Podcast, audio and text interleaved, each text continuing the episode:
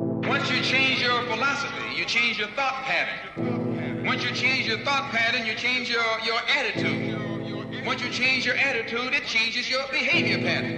And then you go on into some action. And then you go on into some action. Assalamu alaikum wa rahmatullahi wa barakatuh.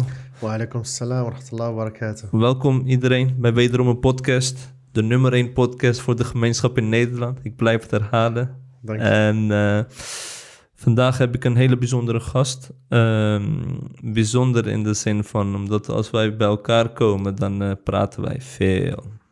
Dan krijgen we heel veel knowledge heen en weer.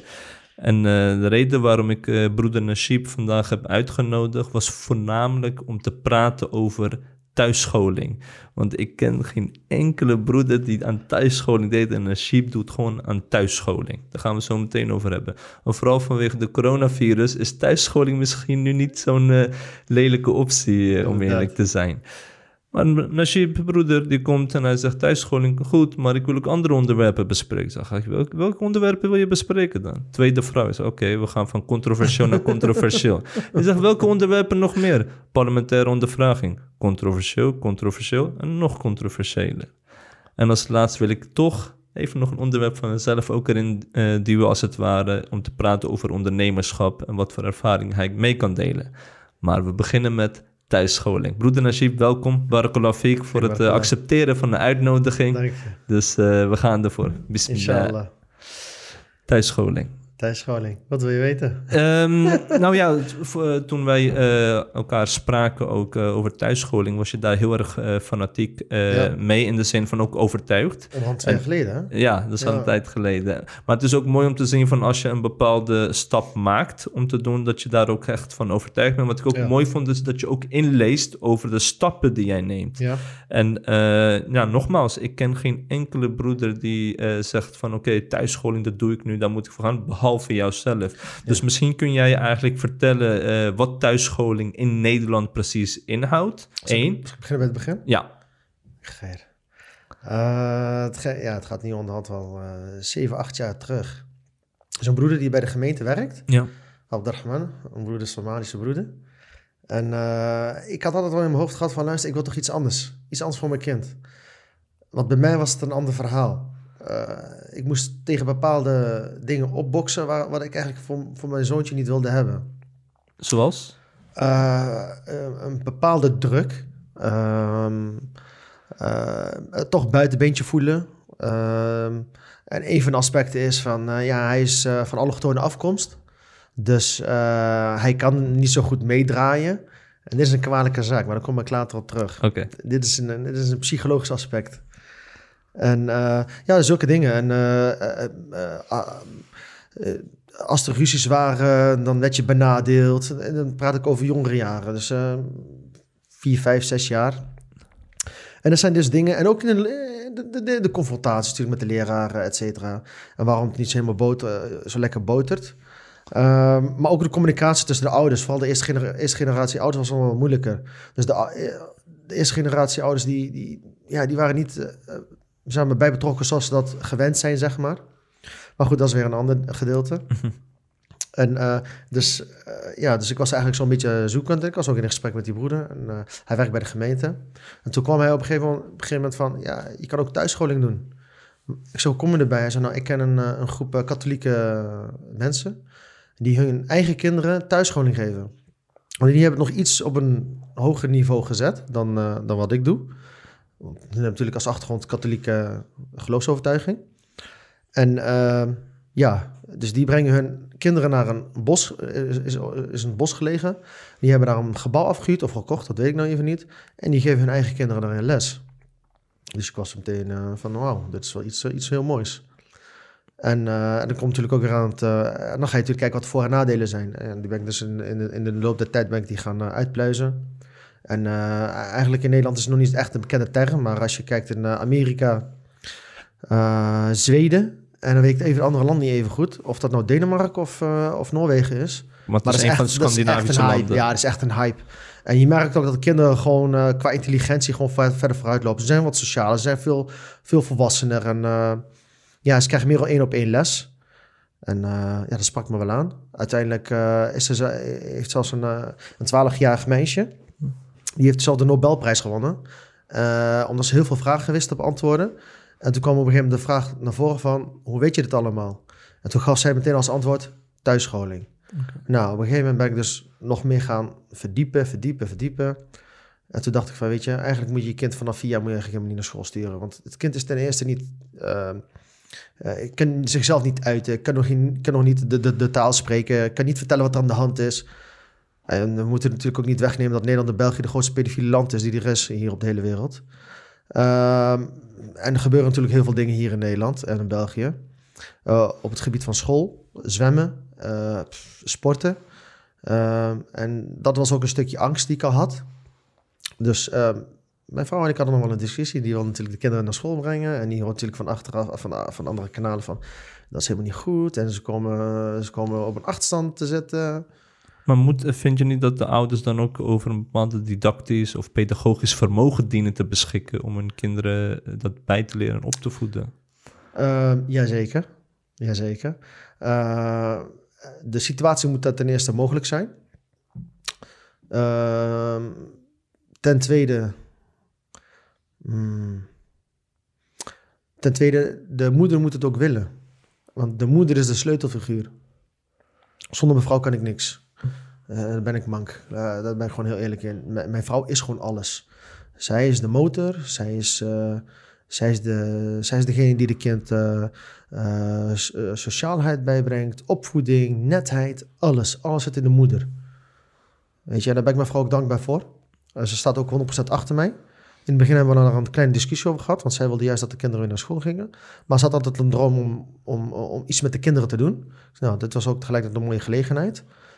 Maar eh, ja, als je de na- nadelen en de voordelen bij elkaar op gaat wegen, eh, is het zeker waard geweest. En nu achteraf, eh, want ik, ik gaf, mijn vrouw zei van ja, stel voor het niet goed gaat. Dus ja, dan kunnen we de kinderen alsnog op school plaatsen. En na drie dagen, of na drie maanden kwam ze al meteen, eigenlijk voor drie maanden kwam ze naar me toe. Van luister, ik ga de kinderen hier mooi thuis houden, want het gaat perfect. En ja, nou ja, goed, tot de dag van vandaag heb ik er geen spijt van. Integendeel, ik raad iedereen dat aan om te doen. Vooral moslims. Eh, want eh, eh, in de vorige podcast met een Surinaamse broeder Ja. eh, begint het bij de jeugd. En het begint niet alleen bij de jeugd, maar het begint echt bij het begin al. Op het moment dat ze de ogen al openen. Ja. En, ja, ik heb er geen dag, geen, dag, geen dag spijt van.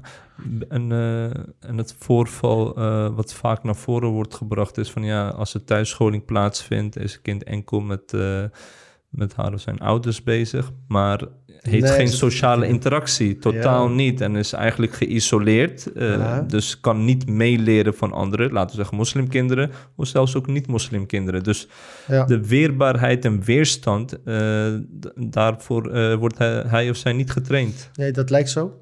Maar dat is echt is helemaal niet waar. Alles gaat stapsgewijs. Ehm, kijk, ik woon ook nog niet zo lang eigenlijk in Apeldoorn. Eh, ja, dus eh, we zijn sowieso zijn we met nul begonnen. Want mijn zoontje was eh vast met een jaar, één jaar of twee jaar. Twee, twee drie, jaar, drie jaar zelfs. En ehm, ah, zoals ik zei, alles gaat stapsgewijs. Eh, het is, je moet niet denken van thuisschool, oké, ze zitten thuis en ze krijgen gewoon les. Nee, er zit echt een heel programma aan vast. Ja, kun je misschien wat meer over het programma zelf vertellen? Ja, zeker weten. Ehm, eh, sowieso de Nederlandse taal. Eh, Nederlands, wiskunde, eh, rekenen. Dan moet ik even goed nadenken. Ze krijgen natuurlijk ook het tajweed, hifd, Koran. Dat wordt allemaal bij elkaar... in ieder geval, mijn vrouw is degene die dat doet. Ik ga, ik ga niet mee op liegen om precies te zeggen hoe dat in elkaar zit. Ik heb gezegd wat ik wil, wat er, wat er, wat er zo nodig is. En zij heeft het allemaal op een, op een schemaatje gezet. Ze krijgen ook kleien, ze krijgen tekenen, ze krijgen ja, eigenlijk in principe alles. eh. Eh, dus eh, qua, qua school eh, lopen ze nog zelfs een stukje vooruit. Als we kijken naar hun leeftijdsgenoten, is ook goed. Ehm, ja. En hoe wordt het door de gemeente dan getoetst over Ja. de capabiliteit en de kwaliteit van een kind? Oké, op dit moment zijn we nog niet getoetst. Het mag. Ik sta er zelfs voor open, transparant. Ehm, maar ehm, wat ik wel weet, op het moment dat je dan zeg maar thuisscholing aanvraagt, doen ze alsof het verboden is. In ieder geval, het is net zoals bijvoorbeeld een vaccinatieprik. Van je moet het doen, terwijl je het eigenlijk helemaal niet hoeft te doen. Want het is je eigen recht. Eh, Joodse mensen doen het ook niet. Ehm, eh, ehm, ehm, ja, dus het is je eigen recht. Je hoeft je niet eens... want bij het invullen van een formulier zijn er drie soorten. Of drie categorieën waar je dan onder die artikel of artikelwet eh, het aan kan vragen. Eén is geloofsovertuiging. Twee is eh, bedenking, bedenking op de richting van de school. En drie is als je bijvoorbeeld eh, door het hele land of, of landen reist. Een vorm daarvan zijn, die, zijn de kermismensen, maar, die door heel Nederland reizen. Die kunnen hun, school, kunnen hun kinderen niet even één of twee maanden op die school zetten. En dan, eh, ja, dan ze dan weer doortrekken en dan ze hun kind weer mee moeten nemen. Dat, dat, dat, dat kind raakt gewoon helemaal, eh, helemaal gedesoriënteerd. Het is, het is helemaal niet stabiel voor dit kind. Dus dat, dat, dat is... En je hebt geloofsovertuiging heb je als eh, reden? Nee. Nee, oké. Nee, Ja, ik heb dat nog niet eens als, als, als reden aangegeven. Ik heb ja, bedenkingen op de richting van de school. Oké. En daar wil ik het ook niet dieper over Nee, gaan hebben. Want iedereen is verschillend daarin. En ehm, nou ja, goed. Oké, je, je bent ook, dit moet ik wel even bij vertellen. Voor als moslims dat eh, zeg maar, eigenlijk ook iedereen, ik raad het eigenlijk iedereen aan om te doen. Het is alleen een gezond, gezond en beter voor het kind. Op het moment dat je dat die aanvraag indient Mhm. en ehm, eh, doen ze alsof het niet mag, of dat ze dan eventueel een gesprek met je aan willen gaan. Je bent niet verplicht om naar die gesprek toe te gaan. Want dat gesprek is al meteen een, een volgens mij is een juridisch, eh, of een, om een dossier op te bouwen. Dus als ze al bedenkingen hebben tegen jou, dat je bedenking op de richting van die school hebt, dan eh, ja, eh, kunnen ze eigenlijk daarop eh, kunnen ze daar een, strafzaak voor, voor gaan beginnen. Om je kind alsnog te verplichten om naar die school toe te gaan. Maar je bent niet verplicht. Dus als je moet gaan en je wil gaan, neem dan een advocaat mee, zou ik zeggen. Oké, en ehm, hoeveel jaar dient een kind te zijn? Dat thuis zijn? Vijf jaar. Vijf jaar. Dus maanden- na vijf jaar, dus als het kind zes jaar is en Nee, je hebt zoiets van ik wil een thuisscholing doen. Vijf maanden en drie maanden voordat hij vijf jaar wordt, moet het ingediend zijn. En als je bij de gemeente dat doet, neem een bewijsje mee van dat je het ingeleverd hebt. Want als ze het kwijt zijn, heb je weer een probleem. Maar zolang het kind nog niet naar school is gegaan, is er nog een, een kans zeg maar, om het kind thuis te houden. Maar op het moment dat je hem één dag naar school brengt, is het klaar. Ben je verplicht om hem elke keer naar school toe te brengen. Oké. Eh, nou, je dient het in. Het wordt dan goedgekeurd. Ehm, Hoe ziet het proces dan eruit? Is er een bepaalde toetsing van een kind? Eh, welke leermethode eh, en, eh, schaf je aan? Hoe ziet dat eruit? Ja, de- ik heb, de, de, de toetsing heb ik nog niet meegemaakt. Geen controle, de controle heb ik ook nog niet meegemaakt. Zoals ik zei, ik sta er gewoon voor open. Want ehm, kijk, ik- als je dat doet, ben je verplicht om je kind wel de juiste lessen mee te geven. Je bent, er wel, je bent al verplicht. Dus ga er niet te makkelijk over nadenken. Als je, het- als je het probeert, is het goed. Ik vind het juist alleen maar goed. Maar red je het niet, ja, dan moet je echt gaan kijken naar een serieuze zaak om jouw kind eh, ja, wel de juiste dingen mee te geven. Een van de voorbeelden was dat als mijn vrouw zei van... Stel nou voor dat mijn Nederlands niet goed genoeg is. Ja, dit was dan zo'n voorbeeld. Wat moet ik dan doen? Dan gaan we kijken naar een persoon die wel gekwalificeerd voor is. Dit is een mogelijkheid. Geen verplichting, maar wel een mogelijkheid. Want als je het niet kan, dan zou ik zeggen... Kijk, dan moet je dan gaan kijken naar, een- een serieuze school als je het gewoon niet kan. Ja. Oké. Ehm, er zijn nu ook islamitische scholen. Ja? Ehm, Waarom die niet? eh, waarom geen islamitische school? In de zin van dat er toch wel moslimkinderen zijn. En dat Ja. er toch wel, eh, subhanallah, mashallah, alhamdulillah, wordt gezegd. Dat er wel eh, Ja. wordt gesproken over Mekka, over Kaaba, over Ramadan, zakah, hajj.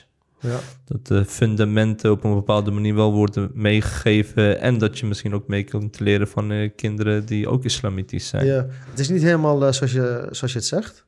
Ehm, het is eigenlijk gewoon een eh, islamitische naam. Het is eigenlijk dezelfde scholing als de andere scholen, alleen met een jasje zeg maar aan. Een voorbeeld is, eh, ze krijgen geen hifat. Uh, uh, je krijgt bijvoorbeeld niet islamitische kennis mee. Ehm, ze zeggen gelukkig wel alhamdulillah, bismillah. En op Maar zijn wel godsdienstlessen. ja, het is, het is heel niet heel. Het is heel niet heel. Ehm, dus dat is ook een van de redenen waarom niet. Ik, waarom ik niet voor een islamitische school heb gekozen. En ten tweede, het is ook heel ver weg. Want eh, de enige islamitische school die, ik nou, eh, die er nou is, is eigenlijk bij ons in Deventer. En dat is wel een stukje verderop. En om dan de kind op en neer te laten rijden, dat is ook weer een... eh, Ander stadje eentje in Apeldoorn, ja, toch? Ja, dat is toch, toch een, ja, een half uurtje rijden. Ja. Ja. Maar in Apeldoorn eentje starten? Nee. Nee. nee want, eh, maar op Tajweed en Hifd kun je bijvoorbeeld ook wel eh, outsourcen naar een, een instantie of een eh, stichting die Ja. of, bij jou thuis in de buurt. Ja. Actief is, maar daar heb je niet aan gedacht. Je hebt gewoon puur gedacht aan thuisscholing. Ja. Ik eh, formuleer mijn eigen Ja. curriculum. Er zijn verplichte onderdelen en er zijn flexibele Ja. onderdelen. En zo wil ik het doen.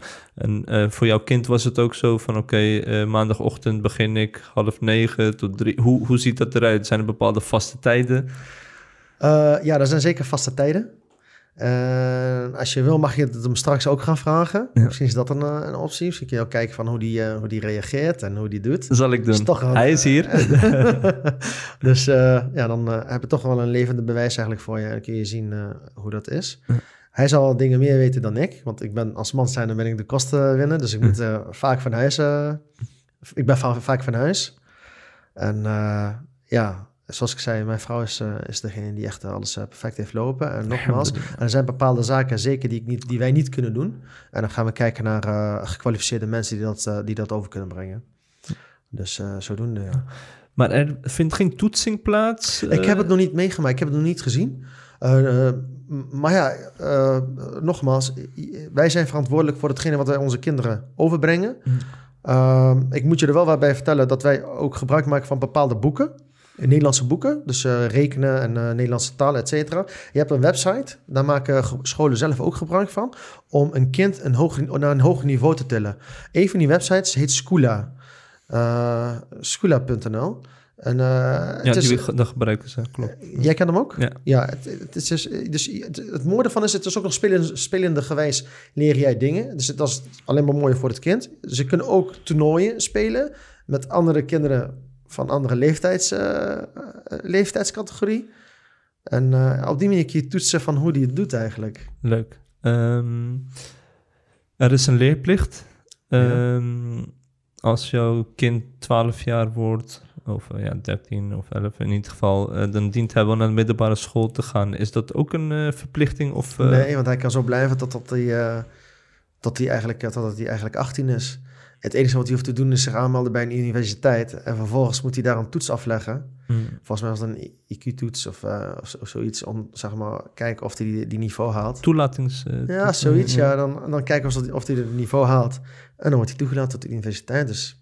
Maar zover hebben we helemaal nog niet over nagedacht. Eh, nee, ik, vind nu, ik vind nu belangrijk dat zo'n basis gevormd wordt. En die basis eh, is gewoon heel belangrijk dat wij, dat wij die tijden gewoon goed invullen. Dat hij hetgene meekrijgt wat hij mee moet krijgen. Eh, dit is vanuit huis, maar eh, ja.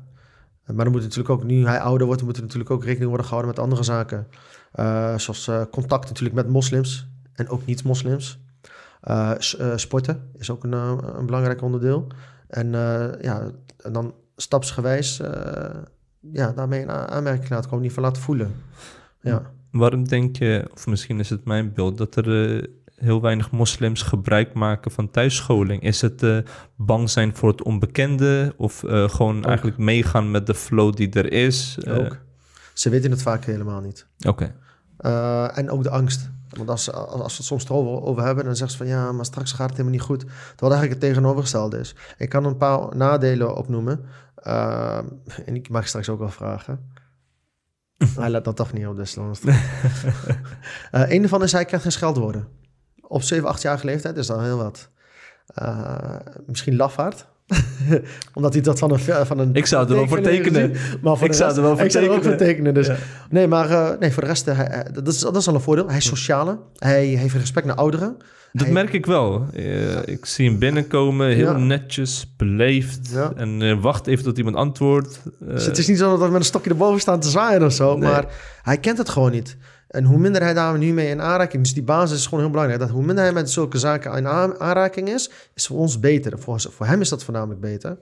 Want hoe ouder het wordt, hoe ouder hij wordt... en dan rustig mee in aanraking laat komen... gaat hij beseffen van... oké, dit is helemaal niet goed. Want vaak krijg je een kind die eh, bijvoorbeeld... eh, die komt thuis en begint meteen te schelden op zijn ouders... en dit en dat. En eh, om- omdat hij dat van andere kinderen heeft geleerd... En dat, een kind is net een spons. Dus alles Exact. wat hij van, van, van andere kinderen ziet, dat vindt hij normaal. Terwijl dat eigenlijk niet normaal is. Ehm, ja. Kijk, ik moet wel toegeven als eh, mijn kinderen ook thuiskomen en ze hebben een bepaalde idee wat ze hebben opgedaan, waar dan ook vanaf school is, of eh, gewoon eh, met vriendinnen of eh, vrienden. Ja, maar ik hou wel van die spanning van... oké, is goed, je bent hiervan overtuigd... maar hoe zit het hier en daarmee? Dus ik wil wel heel graag met mijn kinderen gaan sparren... wanneer ze met vreemde ideeën komen. Ik wil ze niet blootstellen aan vreemde ideeën... of Ja. ideeën die niet met mij stuk... want ik ben ook heel erg beschermend. Ja? Maar eh, nu is het natuurlijk voor mij een beetje te laat... eh, omdat mijn oudste, die is... eh, en mijn jongste is zes. Dus voor mij heb ik een bootje een beetje gemist. Maar ja, ik, ik ben ook een beetje, eh, hoe zal ik zeggen, ik zou ook wel bang zijn. Stel je voor als we elkaar twaalf jaar geleden zouden hebben gesproken en er zou er thuisscholing worden gepraat, zou ik wel zeker wel over nadenken. Maar ja, omdat je het gewoon zo gewend bent, en je hebt zoiets van, ja, ik heb het ook eh, moeten ervaren. En dat betekent niet dat ik daardoor eh, van een padje af ben gegaan, alhamdulillah.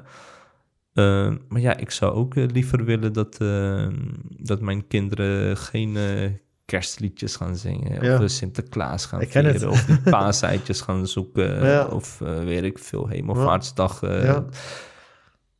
ja, en dan wordt er een alternatief geboden, islamitische... eh, Islamitisch onderwijs. Ehm, op zich ben ik wel van mening dat het een heel fijn en een initiatiefrijk product is.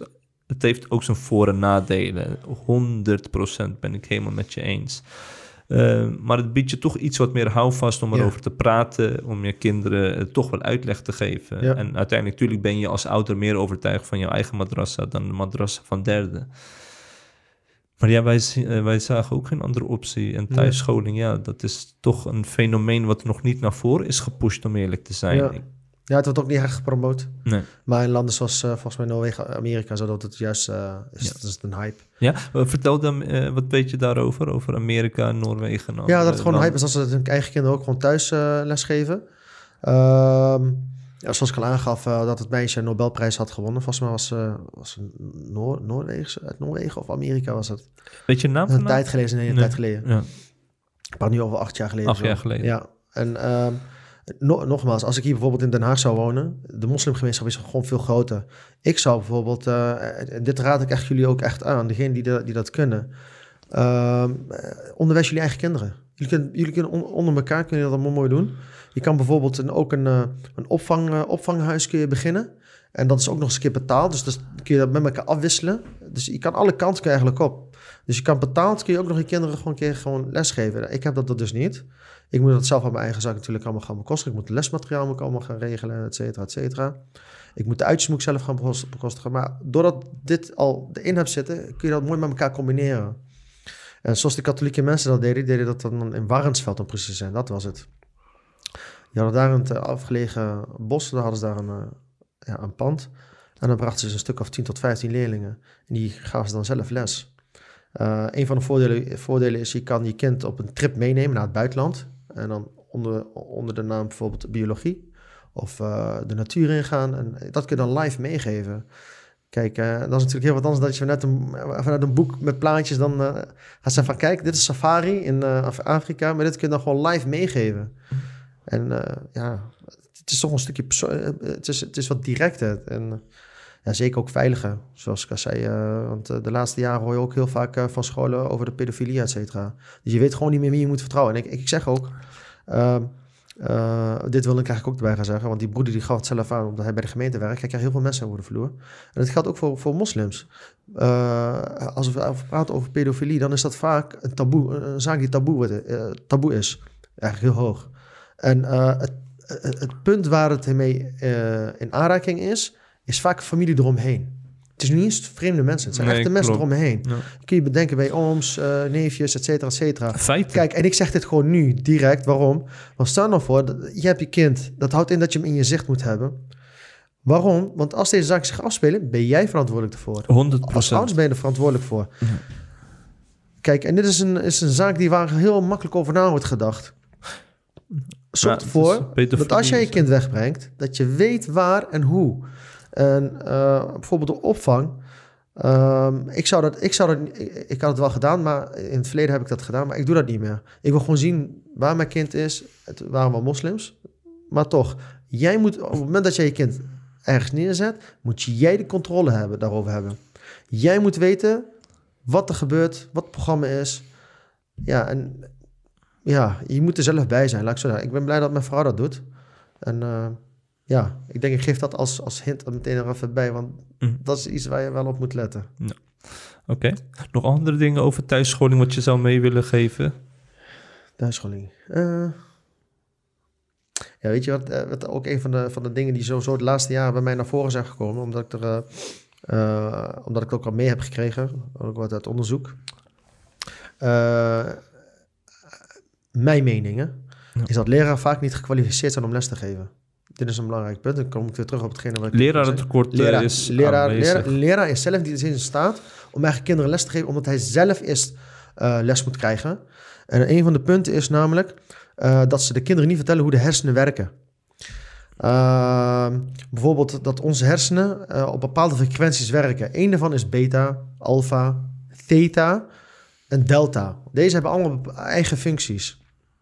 Eh, ehm, maar ook hoe de hersenen werken en wat ze ermee kunnen en wat waar ze toe in staat zijn. Een van de voorbeelden wat ik noem, opnoemde is dat, je, dat als je als allochtoon uitziende eh, persoon, dat zal aangeven van ja, hij heeft een eh, achterstand, want hij komt van. eh, maar dat is helemaal niet waar. Je kan je kind alles leren.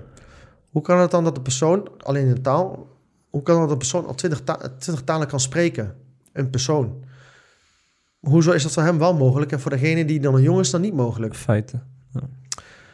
Eh, ja, er zijn, er zijn zoveel dingen. Oh, daar ben je niet toe in staat. Het, je legt bij de kind leg je al automatisch, als die al meekrijgt, leg je een knop in zijn hoofd. Ik ben er naartoe Een niet in beperking leg je op, ja. Dit is gewoon direct. Dit heeft direct invloed op zijn hersenen. En dit is een gevaarlijke zaak, want dit is gewoon puur indoctrinatie. Zo werkt, zo werkt het, het indoctrineren van een persoon. Ehm, het gebeurt op, op, op, politiek eh, level, maar het gebeurt ook op, op, op, op lage levels. Ehm, en dit is, dit is een gevaarlijke zaak. Waar, dit, is, dit is een ernstige zaak waar je voor op moet letten. En zeker voor je kinderen. Eh, iets niet kunnen, dat bestaat niet. Alles is mogelijk. En dit is ook echt een, echt een, echt een eh, ja, het is gewoon een feit.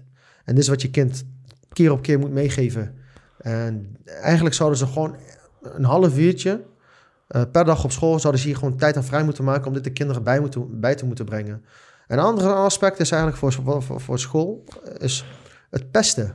Je merkt gewoon dat heel veel kinderen gewoon zelfmoordneigingen krijgen omdat ze gewoon niet geaccepteerd worden of omdat ze ergens op gepest worden. Nou, ik heb dat gelukkig niet. Eh, dus dat is een stukje wat ik alweer weggenomen heb. Dit zijn zeker kwalijke zaken. Je maakt het kind eigenlijk mank. En eh, ja, nee, ik, eh, ik, geef hem, eh, ik geef hem liever dingen mee van wat hij, wel- wat hij wel allemaal kan. En hij is, kijk, de hersenen zijn, is, is- de hersenen zijn iets unieks. Je bent gewoon tot alles in staat. En als je er maar in gelooft.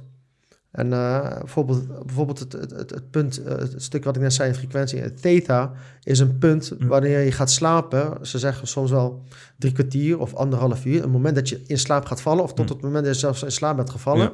En op het moment dat je weer wakker wordt, ook weer in die, in, in die tijden, is dat je zelf kan programmeren. Bijvoorbeeld een, bandje laten lopen of laten draaien. En het wordt dan door je hersenen opgenomen. Het is gewoon pure opname. Je programmeert je, je bewustzijn. En eh, delta is weer een, een diepe slaap. Daar zijn weer onderzoeken nog. Ze zijn er niet helemaal over uit. Maar eh, dat is een vorm van bijvoorbeeld als je, als je ziek bent of zo. Dan eh, kun je bepaalde hersen kun je, je luisteren. En je kunt jezelf daarmee genezen. Ehm, ja, eentje van stress, eentje voor tegen bijvoorbeeld eh, ziektes, eh, depressie, noem maar op. Voor elke frequentie is er een, is een, een, een healing eh, sound als, als het ware. Maar er zijn dingen die niet meegegeven worden. Ook in, ook mijn tijd zijn ze niet meegegeven. Dus ik ben er wel zelf naar op zoek gegaan. Sommige dingen kom je gewoon tegen.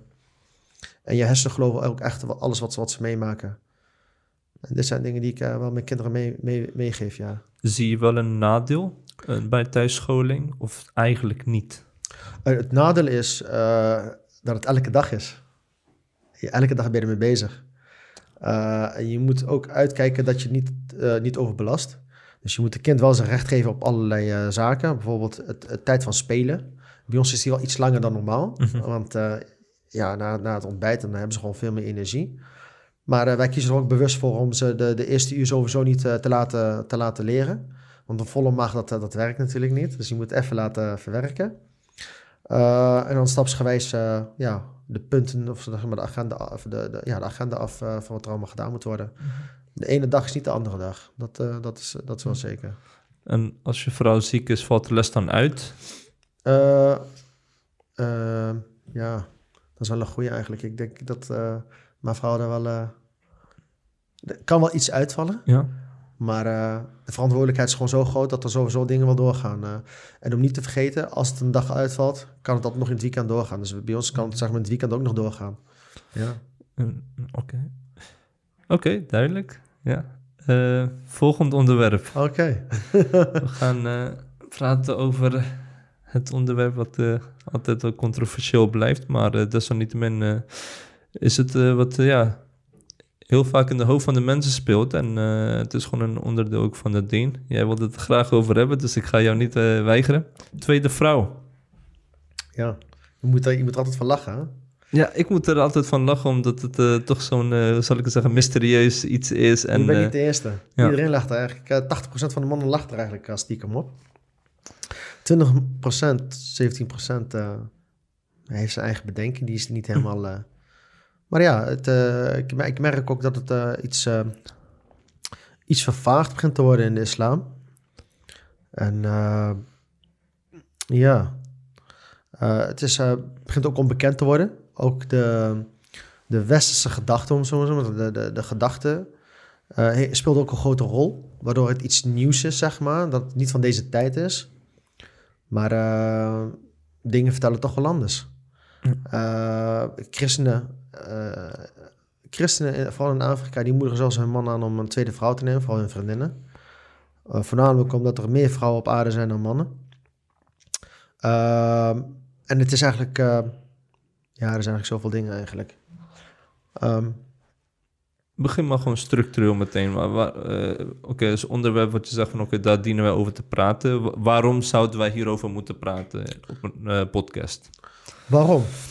Ja, gewoon puur te informatief. Het is puur informatief. En ik vind, ik vind het belangrijk dat je over bepaalde zaken gewoon moet praten en het informatief naar voren moet brengen, dat mensen het begrijpen. Ja. Want zoals ik zei, het is nu iets vreemds geworden eigenlijk. Eh, een voorbeeld. eh, heel veel moslims, dus ik heb niet over de islam. Ja. Heel veel moslims scheiden. Ehm, ze, hebben, ze, heeft een, ze hebben een kind. 1, 2, 3. Maar die kinderen hebben ook een vaderfiguur nodig, 100 procent. toch? 100 Dus procent. ik denk niet dat die vrouw haar leven lang alleen door haar, ja, alleen wil zijn. Ik denk dat ze ook, ook een man wil hebben die lief tegen haar is, die haar koestert, et cetera. Dus, eh, maar ja, vaak zijn mannen die niet getrouwd zijn, die kijken natuurlijk altijd naar een vrouw die ook niet getrouwd is. Een vrouw Klopt. die geen kinderen, en vooral met name als we over kinderen praten, Ja. willen ze kindvrij zijn natuurlijk. Ja. Of ze willen een eigen kind hebben en niet een kind van een ander. Klopt. Dus dit zijn zaken die eigenlijk eh, heel belangrijk zijn. En er zijn er natuurlijk een, heel, een heleboel. Dus eh, het is niet zo dat, eh, dat het op een kleine schaal is. Het is een grote schaal eigenlijk. En hier wordt waarschijnlijk geen aandacht aan, aan, aan geschonken. Ja, dat kan ik beamen, omdat ik heb mijn organisatie Hisab. Dus ik kan het zeker beamen wat jij zegt. Dus, maar ook zoals ik zei, de westerse gedachte. je hebt ook heel veel vrouwen die denken natuurlijk nog steeds van... Ah, er komt vast wel een man op de witte paard. Op het witte paard. Maar die kans is meestal heel klein. Klopt dat volgens de berekening? 100 procent. en ja, en, eh, maar eh, om dit allemaal te kunnen bewerkstelligen, moet je natuurlijk wel eh, alle, alle, fronten moeten natuurlijk wel akkoord mee gaan. Ik bedoel, de vrouw moet erachter staan, de vrouw zelf, die natuurlijk beschikbaar is. En er moeten natuurlijk naar heel veel dingen moeten natuurlijk aandacht geschonken worden, of het allemaal kloppend is. Eh, ja. Dus, eh, en het is ook een, eigenlijk een verrijking in de familie. Er zijn eigenlijk me- in principe eh, in de westerse maatschappij is het namelijk zo van dat het no done is eigenlijk. Dat, die, die, die, dat, dat bestaat eigenlijk niet. Jaren geleden bestond het natuurlijk allemaal wel. Alleen de islam is gekomen en heeft het beperkt naar vier. Want vroeger hadden ze meerdere, meerdere vrouwen. Dus hier wordt de vrouw eigenlijk al... Dat de man de vrouw wel haar recht kan geven. Want als je er meerdere hebt, dan op een gegeven moment ga je het verwaarlozen. Ja, het probleem is het westerse gedachtegoed. Eh, vaak is het van eh, doe wat je niet laten kan. Eh, elke vreemde combinatie van liefde wordt gewoon onder de mom van vrijheid gezet.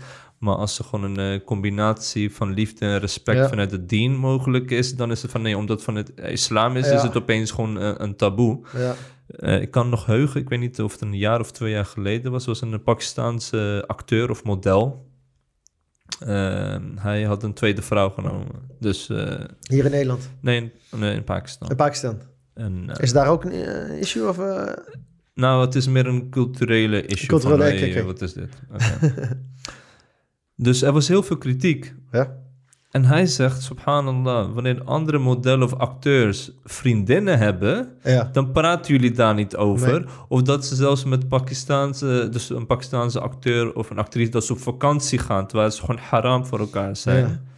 Daar praten jullie niet eens over. Maar wanneer ik iets volgens de dien doe, ik heb een vrouw en ik, eh, ik neem, eh, neem het in ieder geval, ik ga een tweede huwelijk aan, dan is het opeens problematisch. Ja. Dus hij begreep niet. Dus hij liet eigenlijk de hypocrisie zien van, eh, van het land zelf. En eh, dat is wel iets eh, wat mij is eh, bijgebleven. Ja. En ja, dus de westerse gedachtegoed is eigenlijk van ja, doe wat je niet laten kan. Een vrouw kan zelfs met twee mannen zijn, zolang Ja. ze gelukkig met elkaar zijn. Dan is dat de motto. En wanneer een islamitisch concept naar voren wordt gebracht, dan is het problematisch. Ik ben wel 100% met jou eens over het feit dat er vrouwen zijn die, geen, die niet getrouwd zijn. Ze hebben kinderen. Dat heeft gewoon impact op de kinderen. Zeker. Ehm, Maar ook op haar. Ook op haar, 100%. Ook op haar. eh, Want ze zeggen natuurlijk, wat, de vrouw is een slecht, eh, sterke geslacht. Maar wanneer een man haar verlaat, is het in één keer een zwak geslacht. Ja. Dat klinkt heel gek, maar hier, hier, hier hebben ze het juist omgedraaid. ja. Want eh, de man is het, ster, is, het, is het sterker, want de vrouw is afhankelijk van zijn inkomsten. Klopt. Kijk, bij ons is het een, een voordeel dat de vrouw niet hoeft te werken. Dit is haar recht. De man moet voor haar gaan werken. En wat de man verdient, de helft is van de vrouw. Wat van de vrouw is, alles is van haar. Maar dit is natuurlijk, hier wordt het natuurlijk allemaal omgedraaid. En eh, dit is een van de mooiste gunsten die zij, die, die zij hebben eigenlijk. Ja, ja vrouw vind ik ook lastig ook om een eh, man te delen. Eh, daar lopen ze ook met een uitdaging mee. Eh, naarmate de tijd vordert, dan gaat de vrouw ook nadenken van ja, hoe moet ik nu verder? Ja. En je merkt ook gewoon dat in Engeland het een heel groot probleem is. Het is een hype zelfs, om met een eh, tweede vrouw te trouwen. Het wordt zelfs Ja, gestimuleerd. om- omdat vrouwen of ze zijn carrièregericht of dat ze eh, gewoon moeder zijn en dan Ja. hebben ze gewoon bepaalde zorg nodig. Maar de vrouwen die bijvoorbeeld eh, nog niet voor openstaan, die hebben natuurlijk het eh, kritiek van ja, de mannen zeggen wel van ja, de Sahaba deden het ook, maar de mannen van nu zijn geen, hebben niet de level van een Sahabi. En ik denk niet dat we per se op die manier moeten kijken. We moeten naar een huwelijk ook gewoon kijken van oké, wat... Wat zegt islam over een huwelijk? Wat zijn de doelen binnen een huwelijk? En kunnen jullie gewoon aan elkaars rechten en eh, plichten gewoon Ja. voldoen? Zo simpel dient het ook te zijn. Maar ja, je hebt ook heel veel kapers op de kust, eh, heel veel piraten die misbruik maken van de situatie. Ja. En daarom moeten wij ook als gemeenschap hier tegen optreden. Van mannen die gewoon eh, van huisje naar huisje springen en kinderen maken. Ja, ja zeker, zeker. Maar je gaf al een punt eigenlijk aan die ik al eerder in mijn hoofd had. Eh, het is gewoon toegestaan om gewoon 50, 50 vriendinnen te hebben. Het is gewoon gebruiken en misbruiken. Want welke rechten geven nou eigenlijk vrouw, je, je vrouw? Eh, Sommigen die hebben er zelfs een hype van gemaakt om, om naar paraclubs, eh, ka- paraclubs toe te gaan. Dat is een van de smerigste dingen. Ehm, maar wanneer je met een vrouw trouwt om haar rechten te geven, dus eh, dat je voor haar gaat zorgen, dat ze eh, recht heeft op onderdak, nou in ieder geval op zijn minst dat je mee kan, in dit land is het dat je op zijn minst mee kan helpen, om voor haar het allemaal makkelijker te maken en voor de kinderen natuurlijk. Eh, dan is het dan dus niet toegestaan. Mm. Maar we hadden het net over Engeland. Eh, kijk, hier in Nederland wordt het zeg maar eh, niet erkend. Nou, als het niet erkend, ze zeggen dat het straf, strafbaar is, Ja. maar het wordt niet erkend. Dus als het niet erkend is, dan is het klaar. Dan ben je ook niet strafbaar.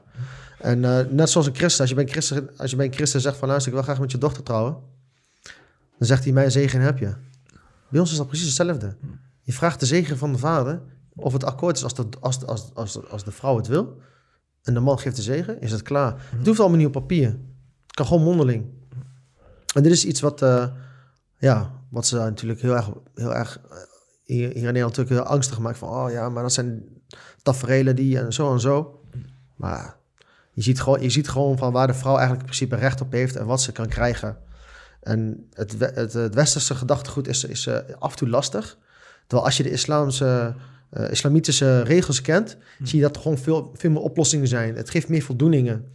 Eh, en ja, kijk, eh, niet elke vrouw accepteert het. Bijvoorbeeld, mijn vrouw accepteert het dan weer wel. Maar natuurlijk er gaan natuurlijk wel heel wat gesprekken vooraf aan. Natuurlijk zijn er ook wel gedachten die bij een vrouw natuurlijk naar voren gaan. Van ja, hoe zal die vrouw zijn? Zal ze eerlijk zijn? Zal ze met mij, met mij kunnen samenwerken? Wel niet. En zo kun je doorgaan eigenlijk. Eh, er zijn meer voordelen dan nadelen. tenminste, dat, dat, dat moet dan blijken natuurlijk. Eh, dat, dat weet je pas als je de relatie aangaat. Uh, en het, volgens, volgens het programma loopt zoals het moet lopen. Een van de dingen is dat, dat de vrouwen elkaar kunnen, kunnen, kunnen ondersteunen in heel veel zaken. Ook met, bedrijf, ook, ook, ook, ook met, met, met het kinderen opvoeden en, en, noem het maar op. Ja, klopt. Maar ook moeten we ook aangeven dat ten tijde van de Sahaba was er ook gewoon jaloezie onder de vrouwen. Het is niet zo van uh, ja, dat ja. in de generatie gewoon alles gewoon vlekkeloos verliep. Je moet het ook zien als een, een zware onderneming, een ja. huwelijk, die door beide moet worden geteeld. Ja, zeker. En als je wederom, uh, als je ook een tweede huwelijk aangaat, is het ook een onderneming om te kunnen... Uh, om, te kunnen, ja, om succesvol te kunnen zijn. Maar wat heel erg belangrijk is als iemand uh, uh, zo'n wens heeft om een tweede of derde, vierde vrouw te nemen, moeten we ook gewoon puur kijken van naar de gemeenschappelijke doel vanuit de gemeenschap, wat het uh, kan behartigen. En, en dat er gewoon harmonie kan ontstaan. Het is niet echt iets geks of enkel dat er nadelen aan gebonden zijn. Maar je moet ook capabel kunnen zijn. Ik bedoel, heel veel vrouwen, subhanallah, ook in Nederland, die getrouwd zijn, ze hebben kinderen, zij zijn genoodzaakt om te werken. Anders wordt het heel lastig om zelfstandig met kinderen te kunnen leven. Inderdaad. Dus dat betekent, en niet iedereen in Nederland begrijpt het feit dat als een vrouw gescheiden is, dat de onderhoud bij haar broers of bij haar vader uh, ligt. Eigenlijk ja. Maar dat wordt niet gedaan. Uh, dat, nou ja, ik hoor het niet zo vaak. Vaak niet. Nee, nee, wordt dat ook niet gedaan. Dus dat betekent dat ze naast het feit dat zij uh, genegenheid nodig heeft en wilt, wat gewoon, gewoon feit is, is ja. en normaal is, menselijk is, is het ook zo dat ze een bepaalde financiële zekerheid nodig heeft om uh, haar kinderen op te kunnen voeden.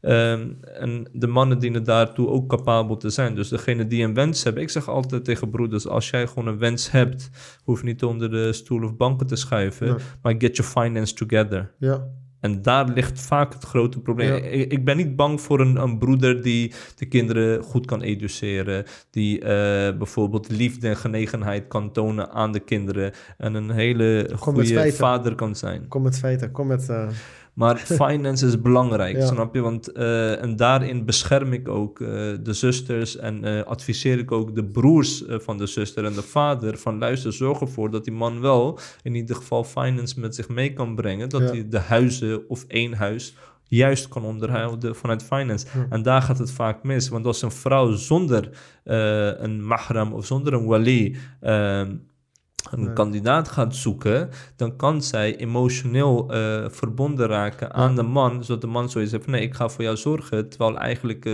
papierwerk eh, niet in orde is. En dat is een gevaar. En dat zie je vaak terugkomt, dat het gewoon Klopt. vaak fout gaat. Klopt, maar ook, ook het andere gedeelte is als ze, als ze kinderen heeft en ze moet gaan werken. Ze moet elke, elk baantje aannemen bijvoorbeeld. Ja, Productiewerk, plek waar ze helemaal niet wil werken. we hebben zusters die dat moeten Ja. doen. Ja. Ja. en en dit, dit aspect kan eigenlijk in gedeelte wegvallen als de man dat voor zijn rekening neemt. Maar dit zijn za- zaken die eigenlijk, zeg maar, ja, ehm, vaak niet besproken worden. Ja. Dus vandaar dat ik dat ook hier aan het licht wilde brengen. Oké. En eh, ja, zodoende. Maar ehm, ik stimuleer dit. Ik, ik, ik hoop dat broeders hier ook serieus mee aan de gang gaan. En, eh, ehm, en dit ook, dit ook eh, ja, serieus gaan nemen. Want eh, ja, zusters hebben dit gewoon nodig. Maar hun moeten natuurlijk ook voor opstaan. Ja. Ja. Zeker. Ehm, even kijken, wat is de derde? Aha, ja, ik heb hem. Je hebt hem ook? Nee, nog niet. Zeg het maar. Parlementaire ondervraging. Onze masajid, onze vertegenwoordigers en fake vertegenwoordigers die er waren. Ja, zeker. Je zegt er eentje fake en het beeld komt meteen allemaal bij- me naar boven. en dan heb je bijv- bijvoorbeeld die ene van een Raad van Moskeeën. Ik weet niet waar. Leeghuis, Ik niet Raad waar. van Moskee van Leeghuis. Ik, ja, zou ik het noemen. Poppenkast is het eigenlijk, eh, zo kun je het echt noemen. Is, schandalig. Ik, ik snap niet hoe ze hem een serieus podium hebben kunnen geven. Raad van Moskeeën. Hij kan volgens mij nog niet eens de eigen wassing doen. Hij weet niet eens hoe hij moet bidden. Want hij, hij verdeelt gewoon de hele groepen. Weet je, als jij naar een moskee gaat... eh, Een, salafist bidt niet anders dan een, dan een, dan een ander. Ik bedoel, eh, kijk, het aspect van een moskee is dat je daar je gebed kon verrichten. Je wassing kon doen eerst natuurlijk, want eh, anders is je gebed ongeldig. Maar ja, dat je daarna de, ja, het gebed ver- verricht. En dat is wat mensen bij elkaar brengt. Daar wordt niet gezegd van luister, je bent salafist of je bent een soefi of je bent dat. En je gaat, jij gaat daar bidden, jij gaat daar bidden, jij gaat daar bidden. Maar eh, zo wordt het eigenlijk wel in principe overgebracht. Dat, eh, ja, maar zo zit het helemaal niet in elkaar. Nee. Ja, vooral het probleem, eh, wat ik ook vaak benadruk in gesprek met broeders, de rol van een moskee Ja, in onze tijd, in de goede ja. Oude tijd. Eh inshallah komt die tijd weer terug. Zodat we niet eh, de discussie over educatie en tweede vrouw en eh, moskeeën moeten gaan hebben. Maar, waar, in een tijd waarin het gewoon allemaal normaal zal zijn. Dat we normaal de onderwerpen kunnen bespreken. En dat alles heel gewoon normaal En is. dat is het nu niet. Dat is er nu niet. En daarom moeten we al, allemaal in bocht gaan brengen met thuisscholing en elkaar overtuigen over hoe een huwelijk. Ja. Snap je? En moskeeën die, en leden die moeten worden ondervraagd. Helaas zitten we nu gewoon in deze tijd. Ehm, Ja, er zijn oplossingen, alleen wij kiezen er niet voor. zeer dat- zeker. dat- dat- is echt een probleem. Zeer zeker. Eh, dus de moskeeën die hebben een rol. En in onze tijd, in eh, toen, een- toen de staat van islam er was, was het gewoon heel simpel. De moskeeën waren eigenlijk de gemeenten. Dus in een moskee werd bijna alles besproken. eh, werd er geoordeeld, werd er gebeden. eh, Zelfs politieke zaken kwamen aan het licht. Alles. eh, de strijdplannen werden eh, uiteengezet. Ja. beslissingen, politieke zaken. Alles werd besproken. Nu helaas, wat je veel al ziet... en dit is niet een disrespect naar de huis van Allah subhanahu wa ta'ala toe... Maar, zo, maar ik zie het gewoon terug... zijn de moskeeën die de gemeente zijn... voor de gemeente hier in Nederland. Ja. Dus een soort van doorgeefluiken. En, en, en niet eh, dat de moskeeën echt gaan voor een eigen... juiste, correcte islamitische identiteit. Inderdaad. Dat En, klopt. en dat zag ik terug echt bij die parlementaire eh, ja, ondervraging, die Oh, nogal eh, heftig was. En dat er gewoon, ja, ze hadden net geen guillotine daarvoor eh, gezet eh, voor iemand. Om, eh, snap je wat ik bedoel? Ja, weet je- Want het, het was gewoon eigenlijk een kruisverhoor. En Ja. ja, je bent was- gewoon een dader. tegen, maar het was- voelde aan alsof ze verdacht Je, waren. je bent al een dader en dan moet je alleen nog een paar punten pakken. En Ja. dan ben je gewoon gezien. Ja, dus heel veel Het mensen... was ook vernederend om te zien. Zeer Heel vernederend. Want het probleem is waar, waar mensen mee kampen wanneer zij worden ondervraagd is... Ja, ik ben moslim, Ja. maar ik ben ook Nederlander. Ja, ik ben moslim, maar we hebben hier ook eh, een grondwet. Ja. Snap je? En dat zou de profeet sallallahu alaihi wasallam never nooit zo hebben gezegd in Mekka. Ja. Ja, ik ben moslim, maar ik ben ook een Mekkaan. Dus ik heb ook de Mekkaanse tradities waar Ja. ik rekening mee moet houden. Dit is niet wa- waar de, waar de ayat over spraken ten tijde van Mekka. Of zeg ik nu iets verkeerds of Ja, ik heb er niet over nagedacht. Je zegt nou, je zegt nou iets eigenlijk. eh, ja, waarom ze dat zeggen, weet ik niet. Misschien om, om, om aan te geven van luister, ik hoor er nog, nog bij. Dat is wat ik denk. Van luister, eh, ik ben wel moslim, maar geen terrorist. Ja, Zo komen we mij niet geloven. Nee, maar ik heb daar niet echt over nagedacht. Eh, ik zou dat ten eerste zelf niet zeggen. Maar eh, ja, het, het was, eh, zoals ik zei, het was vernederend, vernederend om te zien. Wat vond je vooral vernederend? Vernederend. Ehm, we moeten wel reëel zijn. Het zijn mensen die daar aan tafel zitten, die niet eh, gespecialiseerd zijn in het, eh, eh, in, in het, in op zo'n groot schaal, dan zeg maar een, een, gesprek voeren. Want het brengt toch wel een bepaalde druk met zich mee. Ehm, maar ze waren zich meer aan het. eh, ze waren alles aan het ontkennen, zeg maar. Weet je, van ik ben het niet. Zo kwam het over. Eh, Ja. Weet je, en, ehm, maar waar ging het nou eigenlijk om? Het ging eigenlijk om dat ze een subsidie vanuit het buitenland hebben gekregen om een moskee op te bouwen. Maar dat krijgt Geert Wilders ook. Geert Wilders krijgt ook een subsidie uit Israël, waardoor hij zijn partij eh, kan regeren. En ik hou van Geert Wilders, hè? Want, Ik ben echt jaloers op hem. Hij doet iets wat ik niet kan. dat is... Dan dus mensen benaderen, weet je. En dan is overtuigen over de islam. Mensen gaan, ze gaan, ze gaan onderzoek doen naar de islam. en ik hoef dat werk niet te doen, weet je. Hij doet het dan van mij op grote schaal. Dus eh, ik meen het ook echt. Weet je, ik hoop dat van, van, van mij mogen er nog drie, vier van hem. eh Baudet, ook goed, weet je. Nee, ik, eh, weet je, bij elk kanaal is een voordeel. En dit is gewoon een enorme voordeel. Dus ja, dus vandaar dat ik wat eerlijk... ja. Nee, ik vind het goed. weet je. Veel, sommigen hebben wat tegen hem, maar ik absoluut niet. Hij, hij doet iets wat ik niet kan, dus dat is, hij doet het op grote schaal. Mooi, mooi. Gaan we zo door. Eh, waar was ik ook weer? En eh, ja, een subsidie die ze van, van het buitenland krijgen. Ze kunnen een moskee bouwen en that's it. En dan hebben ze het over salafistische... eh, het kwam zo over of, de- of de Saudi-Arabiërs hier naartoe zijn gekomen. Klopt dat? Of, ja, zo, zo komt bij mij echt Ja. over elke keer. Ideologie. Want het is overgewaaid. Ja. Of, of ze, ze, ze zijn overgewaaid. Ja. Maar als, we, als ik reëel ga... Als, ik kom bij heel veel moskeeën. Ik kom door heel Nederland, ik kom bij heel veel moskeeën. En een van de dingen wat mij is opgevallen is... Ten eerste, ik heb geen Saudi-Arabiërs gezien. dat is één. Ten tweede, eh, en volgens mij was dat een vriend van me, een broeder, die liet mij eh, een gedeelte zien van, eh, volgens mij Lubach was dat. Die ging het over moskeeën hebben, over salafistische moskeeën. En toen lieten ze een plaatje zien van Amsterdam. En de lieten ze allemaal moskeeën zien. En dan zag je er een paar blauw, dat moesten dan sa- salafistische moskeeën zijn. Een paar waren eh, eh, niet orthodox volgens mij, of Soefi of zo. En er waren nog andere. En ik dacht bij mezelf, ik heb veel van die moskeeën gebeden. Maar ik kan, als ik binnenloop, kan ik niet zien of het een salafistische moskee is. Dus dat was al. Dus ik ging bij mezelf, ging ik al met mezelf in gesprek. Op het moment dat hij dat zei, dat ik die beeld zag, dacht ik bij mezelf, ja, maar ik weet dat zelf al niet eens. Dus hoe weten hun dan dat dat een salafistische moskee moet zijn? Ik denk, ik denk, ja, dat, dat, dat kan niet anders dan van binnenuit. Weet je, dat, dat bepaalde, hoe noem je dat? Hoe zeg je dat, ratten? dat, die- dat die dan zeg maar in contact zijn met de staat om bepaalde leugens naar voren te schrijven. En te zeggen dat het een salafistische moskee is. Maar goed. Maar dan ging ik weer verder denken. Dus over de Saudi-Arabiërs. Maar die Saudi-Arabië, ik zie geen Saudi-Arabië. Dus dat, kan, dat kunnen geen salafisten. Dat kunnen hier eigenlijk in principe nog geen salafisten zijn. Als we het daarover hebben. Dan ging het andere gedeelte. Maar wacht eens even. Er zijn heel veel jongeren, zoals jij en ik. En nog jonger zelfs. eh, die de kinderen zijn van. Ja. De bouwers van die moskee. Of in ieder geval die die moskee hebben gecreëerd. Zijn dat dat salafisten? Bedoelen ze hun? Ik denk, van, ik, bijna, ik denk bijna van wel. Dat kan niet anders. Dus de kinderen zijn dan salafisten geworden. Maar wat waren die ouders dan? Ja. Is dat, wat, ze- is dat in één keer gaan veranderen of zo? Maar, maar wat is een salafist? Weet je, vaak wordt dat dan voorgeroepen, ja, salafist. Maar als je hun zou vragen van, wat is een salafist? Dan kunnen ze daar zelf geen antwoord op geven. Klopt. Klopt. Als ik jou zeg, wat is een salafist? Wat zeg jij dan? Ja, salafisme, het is, eh, het wordt, eh, je hebt twee dingen. Allereerst eh, de stroming die zich kenmerkt. En ik praat sowieso niet in stromingen. En voor mij is het belangrijk van, oké, dat de fundamenten gewoon eh, overeenkomen. Nou, meestal als ik hoor van, als iemand zichzelf een selfie roept, dan beroept hij op de Koran en Sunnah en de eerste drie generaties Inderdaad. als voorbeeld dienen.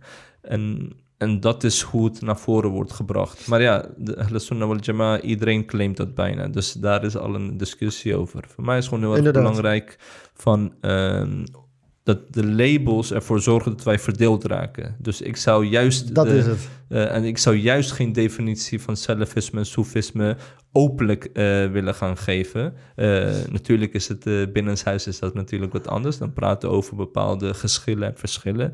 Maar het gaat erom wat ons bindt, is dat wij moslims zijn. Inderdaad. Salafi, Soefi, Tablighi, Hizbi, Ikhwani, Fulani, mij maakt niet uit. Ja. Het gaat erom dat wij verenigd zijn door eh, vijf pilaren. En als je gewoon elke moslim vraagt... Wil jij islam of wil jij geen islam? Dan willen ze islam. Zij willen niet een mengelmoes van islam. Nee, inderdaad. En Elke moslim zegt van ja, voor mij Koran en Sunnah is leidend. Ook het feit dat zij onder druk worden gezet, dat ze bang zijn, waardoor ze gaan proberen te mixen. Maar als je gewoon de, als de camera af is en we gaan gewoon thuis in de woonkamer gesprek voeren, wil iedereen islam. Hoe ze het willen, daar verschillen we in. Ja, maar En, en dat is wat, eh, eh, wat, wat Nederland niet wil. Zij willen geen, eigenlijk willen ze geen enkele uiting van islam zien, welk eigenlijk lijnrecht tegenover hun normen en waarden staat. En het grappigste is, onze fundament staat al lijnrecht tegenover hun fundament. Dus zij kunnen niet komen met een oplossing van hoe ze hier met de moslims in Nederland willen omgaan. Inderdaad. Inderdaad. Ik ben er ook een voorstander van. eh, eh, uiteindelijk, eh, als we bidden, en, eh, de een bidt niet anders dan de ander. Ja, Het is allemaal richting het Qibla. Klopt. En allemaal, je hebt veel verschillen, maar het is allemaal geaccepteerd. Ja, nee. ze zijn niet in tegenstrijd met elkaar. nee, klopt. Dus eh, dat is het mooie. Ja. Maar eh, ja, ze zijn echt hard bezig om zeg maar, de verdeeldheid te creëren. Van ja, hij is dat en hij is dat en hij is dat. Weet je? En ik denk dat het probleem met de moskeeën ook, ook het volgende is. Is dat elk moskee gerelateerd is aan, eh, aan een land. Bijvoorbeeld Marokkaanse moskee is gerelateerd aan Marokko. Dianet is gerelateerd aan, eh, aan Turkije. Ik ben er geen voorstander van. En je ziet ook dat het min, eh, ook nationalisme opwekt. 100 procent. Ja. Het wekt echt nationalisme op. Ik ben juist een voorstander van. ehm, en ik, ik, zeg, ik schrijf het ook niet onder tafels. Ik, een bestuur die gemengd is. Daar ben ik echt een voorstander van. Eh, bijvoorbeeld, ik, ik vind Turken goed georganiseerd. Kunnen goed organiseren. Ik vind dat eh, goed, met papierwerk, goed met papierwerk zijn. Ik denk dat ze zijn uitmuntend in. En, zo kun je het aanvullen, weet je. Ieder, ieder ras heeft zijn pluspunten. Ik vind dat je daar gebruik van moet maken. En wat we ook missen, er zijn bepaalde stichtingen. En volgens mij hoorde ik Salahuddin hoorde ik daar een keer in, zijn, eh, in zijn programma erover praten. Dat er een stichting moet zijn die dit juist moet, eh, die dit op, ja, die dit moet gaan dragen. Eh, daar de verantwoordelijkheid bij neer moet gaan leggen. Nou, weet je, een paar juristen, een paar advocaten. Ik bedoel, Ja, klopt. Kijk, de het tijd is, van de het is- het is niet moeilijk. Het is niet moeilijk. De eerste moskee eh, die werd geopend in Medina. Was gewoon, was gewoon niet een moskee gerelateerd aan de Mekkanen of de Madinezen. Of. Nee. Je had de profeet sallallahu alaihi wasallam zelfs. Je had zelfs Bilal radiyallahu an, Ja, al-Habashi. Je had Salman al-Farisi. Ja. Je had Suhaib al-Rumi. Kijk, allemaal verschillende rassen. ja. Verschillende etniciteiten. Dus eh, een voorbeeld, ik weet niet welke voorbeeld wij nu hier in Nederland hebben genomen. Het is niet het voorbeeld van de profeet Nee. Mohammed sallallahu alaihi Ik denk, dit maakt ons ook alleen maar zwakker. Ja. Dit maakt ons echt alleen maar zwakker. Uh, maar weet je, er zijn zoveel dingen die we eigenlijk op touwen kunnen doen. En ik heb ook een paar broeders horen praten over een mooi plan. Uh, maar die ga ik niet, natuurlijk niet uitleggen, niet helemaal. Gewoon een klein gedeelte wat nodig is. Is uh, bijvoorbeeld uh, dat er geen subsidies eigenlijk meer nodig zijn vanuit het buitenland. Maar dat je die hier zelf kan creëren. En, uh, maar dan moet je natuurlijk de moskee wel verbinden. Mm. En ik denk, naar aanleiding van die plan, is dat zeker mogelijk. En dat zou ook makkelijker zijn, want dan kunnen ze ook niet zeggen van luister, het, het komt allemaal daar naartoe, van vandaar overgewijd hier naartoe. En uh, dat zijn van die, van die dingen, maar het heeft wel mensen nodig. Weet je, en nogmaals, ik geloof niet in, uh, in één bepaald ras die, dat die het voor elkaar uh, krijgen.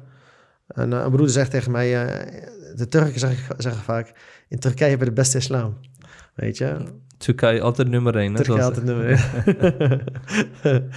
maar nee, ik, ik, ik, geloof, ik geloof dat echt niet. Ik geloof, kijk, de beste islam is de persoon die het praktiseert. Die het probeert, ja. zo perfect mogelijk En dat is niet gebonden aan etniciteit. En, uh, en nogmaals, een, een, een, donkere broeder is niet beter dan een... of sorry, een donkere man is niet beter dan een Arabier. Een Arabier is niet beter dan een donkere man. En zo kun je verder gaan. Rode man, blank. Weet je, we zijn allemaal gelijk. We lopen alleen voor op enkel taqwa en, uh, en iman. Ja. Dat zijn de rangen. Maar ik, ik, het, het, moet echt, het moet echt anders. Het ja. moet echt, en, en, nu vooral nu, je merkt ook dat de heers- en verdeeltactiek uh, continu gaande is. Kijk, uh, de regering is ook, uh, is ook veranderd. Het is niet meer zoals eerst. Je merkt nu alles wat ja, islamitisch is, wat dan ook, het heeft een tintje. Het, het, je hoeft er maar even, en nu is het gelukkig door de corona is nu even wat gaan liggen. Nou, zelfs bij de corona hebben ze misbruik gemaakt door alleen maar vrouwen met hoofddoek en uh, mondkapjes uh, Inderdaad, dat is me ook opgevallen. Brengen. Ja. is mij ook opgevallen. Uh, ja, ik kom door heel Nederland en mijn broertje die, die wou iemand een hand geven. Zei van nee, nee, toch maar niet. Hij sowieso coronavirus. Zei die ja. Hij zei, oh, nu is geen probleem. Dus als wij echt geen hand willen geven, is het een probleem. Maar als we nu geen hand geven, is het helemaal geen probleem.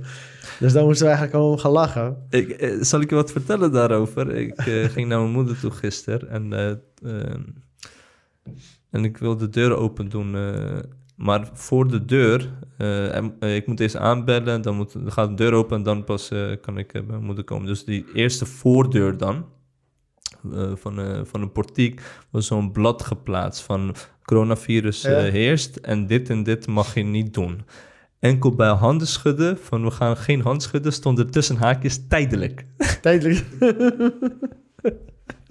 bij die andere dingen niet. Maar bij handen schudden tijdelijk. Tijdelijk. Ik dacht, subhanallah, ja. van gewoon om even alle controversie te vermijden van dit is een tijdelijke ingreep. Ja. Alleen handen schudden, de andere niet. Ja. ja. Subhanallah. Ja, ik heb er een keer, ik heb vaak een discussie gehad. Ja, geen discussie, het is eigenlijk, het is eigenlijk heel snel. Uh, ik geef vrouwen ook geen hand. Ja. En, uh, maar vaak, uh, je moet het ook uit kunnen leggen. Dat is het punt. Um, veel moslims kunnen dat niet uitleggen. En dan ontstaat natuurlijk een wrijving. Maar je hebt ook vrouwen die feministisch zijn. Die willen per se hun wil op jou leggen. Gelukkig hebben we die probleem eigenlijk niet in de islam. Je hebt wel moslimfeminisme, maar die begrijpen niks van de islam af. Want feminisme en, uh, en islam gaan sowieso niet samen. Het is eigenlijk sowieso geen, geen issue in de islam. Want als je als vrouw zijnde de, de, de, de, wetten kent, dus je eigen rechten kent, dan is dat bij ons niet aan de orde. Het is iets westers, wat daar is ontstaan. De vrouw kreeg haar, recht, haar rechten niet. Uh, uh, natuurlijk wel op de theorie, in, in, de theorie, maar in de praktijk weer niet. En daardoor is die wrijving gaan ontstaan. Maar daar hebben ze natuurlijk weer overgegooid op hoofddoek, Eh, keuken, aanrechten, zulke dingetjes. Maar eh, nee, eh, dus ik legde ook uit dat het bij ons niet de norm is. Dat handschudden bij ons niet de norm is. En zie je ze eerst eh, vaag kijken. Ik zeg, bij jullie is het ook niet de norm dat we elkaar voor de eerste keer tegen gaan lopen knuffelen? Ze, nee. Ja, precies. Het is heel simpel. Ik bedoel, Ja. en het is mensgemaakte wet. En bij ons is het ook nog op religie. En die transactie in energie is gewoon bij ons verboden. En als je dat rustig uit gaat leggen, dan eh, begrijpen ze het ook wel. En ja, het is gewoon uit respect dat we dat gewoon niet doen. En eh, vaak, vaak zijn ze nog nieuwsgierig om, om nog vragen te stellen. En vaak weten ze het gewoon niet. Die, die, die vraag is nooit beantwoord. Dus degene die nu kijken, bij deze dan is het meteen beantwoord. Je hebt nu eh, argumentatie meegegeven. Toch? Ja. En het gaat nog een stukje verder. Kijk, als we over energie... Energie is een heel breed punt. is een heel breed vlak. Daar kunnen we heel lang over gaan praten. En eh, nou goed, mijn vrouw is mijn nummer één. En dat blijft zo. Dus ik heb geen, eh, geen belang bij een andere vrouw in mijn hoofd. Dus eh laten we het zo zeggen. Maar eh, even terugkomen op hetgene. En dat was... Eh, we waren bij de parlementaire ondervraging. Wat was je nog meer opgevallen eigenlijk, waarvan je denkt van ja, dat vond je niet zo... eh, Ja, er moet echt een stichting komen. Oké, Ja, er moet echt een stichting komen. Eigenlijk twee stichtingen. Eén stichting is voor... en die moet gewoon alle moskeeën moeten ze gewoon dekken. Die moeten ze gewoon dekken. Ja, die, die Raad van Moskeeën, hij moet gewoon wieberen. Weet je, hij is gewoon een schande. Hij weet niet waar hij over praat. Weet je, gewoon eh, mensen verdelen. Gewoon moslims uit elkaar drijven. En eh, er was een stuk volgens mij, ik had begrepen, dat minister Asje... dat is maar er eentje... eh, dat ze op een gegeven moment in gesprek zijn gegaan met moskeeën... En dat ze hun een voorstel op tafel hadden gelegd dat die binnen twee minuten al verworpen werd. Omdat gewoon, dat gewoon, gewoon niet transparant is. Maar ik had ook niet anders verwacht. Maar nee, er moet een stichting die het eh, juist van de moskee moet opnemen. En eh, eh, ik doe ook de Turkse en eigenlijk alle, alle, alle moskeeën hier in Nederland. Dus het, en ook de Hindoestaanse, Marokkaanse, noem het maar op, Afghaanse. maar dit vind ik echt mooi wat je zegt. hè. En dat hoor ik vaak ook in mijn podcast terug. we moeten verenigen. We moeten bij Oh, ik- elkaar ik, komen. Ik, hoor niet, eh, ik, ik, ik heb helaas niet alle tijd gehad om eh, alles eh, te kunnen moet volgen. tijd maken, Achie. Kan maar ik ga, ik, ga, ik, ik ga het doen. Ik ga Nee. doen. maar ik hoor het ook buiten de podcast om, als jij bijvoorbeeld in gesprek bent met andere broeders. We moeten bij elkaar komen, we moeten verenigen, we moeten onze verschillen opzij leggen, we moeten onze geschillen opzij Maar wie leggen. zegt dit? Elk individu bijna. Zijn dit, zijn, zijn dit juist moslims die hier geboren getogen zijn? Ja, Of zijn het moslims die van buitenaf komen? Is het je opgevallen? vertel. Het zijn voornamelijk broeders die hier geboren getogen zijn, of in ieder geval van jongs af aan, dat ze hier eh, de, de Nederlandse normen waarden hebben meegekregen, om het zo te noemen. Ja. Omdat zij juist in contact zijn, omdat zij opgegroeid zijn in dit land, weten zij hoe het allemaal werkt. Wij kennen de kwalen hier.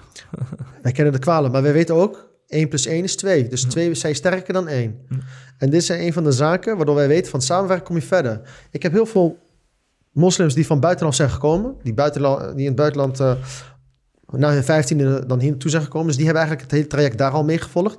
Maar wanneer je praat over samenwerken, dan hebben ze al een afstand. Dat, begrijpen ze niet, weet je. Ze zijn meer van het, eh, meer van het één. Ze staan in eentje zijn ze sterker dan, zeg maar.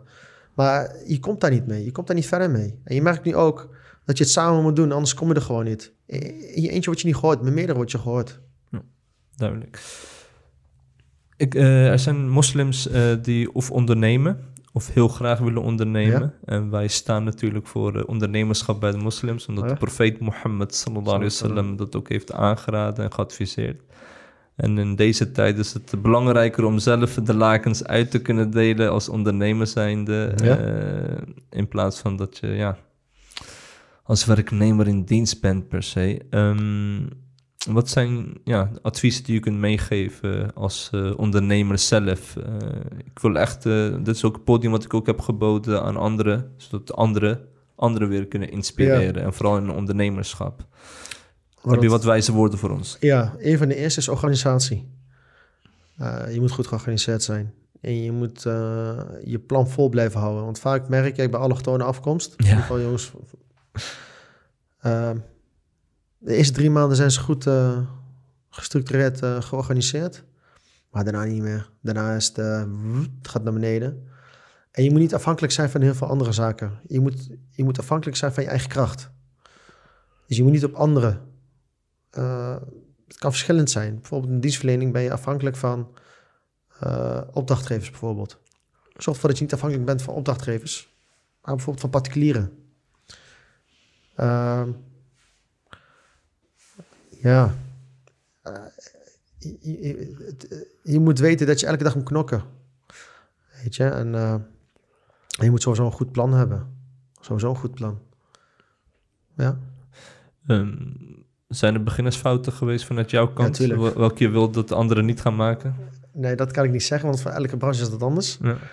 Maar eh, je moet sowieso eh, een zweefslagen krijgen, want anders ga je het niet leren. En je moet, ja, je moet wel voorzichtig zijn. Dus eh, vaak uit enthousiasme wil je heel snel een keuze maken. Maar geduld, eh, geduldig zijn is wel eh, iets beter, om dat e- even goed te overwegen. Maar ja, dat had ik, ja, dat, dat, is, dat is mijn advies. Geduldig zijn. Geduldig sowieso. Ja. Want als je fout maakt, kost je, kost je je tijd en geld. Ja. Dan is het een, echt een harde leerschool hè, als ondernemer. Ja, zeker, zeker. Ja, dan moet je, echt, je moet ook echt een lange adem hebben om te kunnen ondernemen. Er zijn heel veel mensen met fantastische ideeën, maar er blijven gewoon ideeën die gewoon geparkeerd zijn. Ja, Maar soms moet je ook durven om te doen, ja. om die Je execution... moet, zo- je moet sowieso risico's nemen. Ja. Risico's eh, in ondernemerschap eh, is sowieso een feit. Uh, want je kan niet alles in één keer klaar, kan klaar hebben. Dus er komt wel wat bij kijken. Mm. Om, om het concept gewoon af te maken heb je gewoon echt alle middelen nodig. Soms moet je lenen, soms moet je eh, ja, lenen. Het kan financieel zijn, het kan in materiaal zijn. Noem het maar op. Eh, sommige broeders en zussen kiezen ervoor om dat online te doen. Minder onkosten, maar er zit wel veel meer werk aan. Om het allemaal eh, gestructureerd te krijgen. Waar ik broeders en zusters aanraad is om sowieso in de programmering te gaan. Uh, volg van zusters is het ideaal. Uh, want dit is toch iets voor in de toekomst. En er is veel vraag naar. Net zoals veel vraag is naar loodgieters. Als je niet als loodgieter uh, werkt, dan uh, zit je heel erg goed. Er zijn gewoon te weinig loodgieters. En uh, als jij een loodgieter nodig hebt, kun je zo gemakkelijk drie tot vier weken wachten voordat je eindelijk een loodgieter in huis hebt. Die jou de werkzaamheden kan verrichten. Is een voorbeeld. Dus zoek iets wat waar veel vraag naar is. Dus de prijs is dan ook wat hoger natuurlijk. Dus dan weet je dat je zo de komende jaren wel goed zit. Maar ik raad het aan sowieso voor zusters en sowieso broeders ook. Het is een kleine investering, dus je moet wel programmeertalen leren kennen. Maar uh, je hebt er uiteindelijk wel wat aan. Het is niet zo dat je zegt uh, in de aankomende 20 jaar uh, stopt het. Nee, ik denk dat de aankomende 30 jaar nog wel bezig is. Dat is mijn advies. Advies, oké. Okay. Hoe vond je het podcast gaan? Ja, zoals altijd. Hè? Lekker, een lekker gesprek altijd met ja, jou. lekker relaxed. Ja, ja, ja. ja. Um, Dit is ook de eerste keer, dus... Ja, klopt. Eerst en de laatste? Nee, nee, nee. nee. nee? Volgende keer wil ik best wel met jou weer een gesprek aangaan. Ja. Uh... Welk onderwerp hebben we dan nog te bespreken, Achie? Oh, er, zijn, er zijn genoeg uh, onderwerpen die we, moeten, die we nog zeker kunnen bespreken. Ja, mooi. Ja. Mooi. Oké, okay. Uh, voor jouw Fik tijd. Nou, dit was wederom een podcast. Volgens mij zitten we nu ongeveer op uh, podcast nummer 7. Uh, als je als uh, broeder een interessante onderneming of uh, ideeën hebt of uh, over de gemeenschap wilt gaan praten, laat het ons gewoon weten. Steun ons ook financieel, zodat we blijven doorgaan met het maken van mooie, inspirerende, leerzame podcast. Want dit is vanuit ons voor de toekomst. Barakallahu fiik. Assalamu alaikum wa rahmatullahi wa barakatuh. Wa alaikum salam wa wa barakatuh.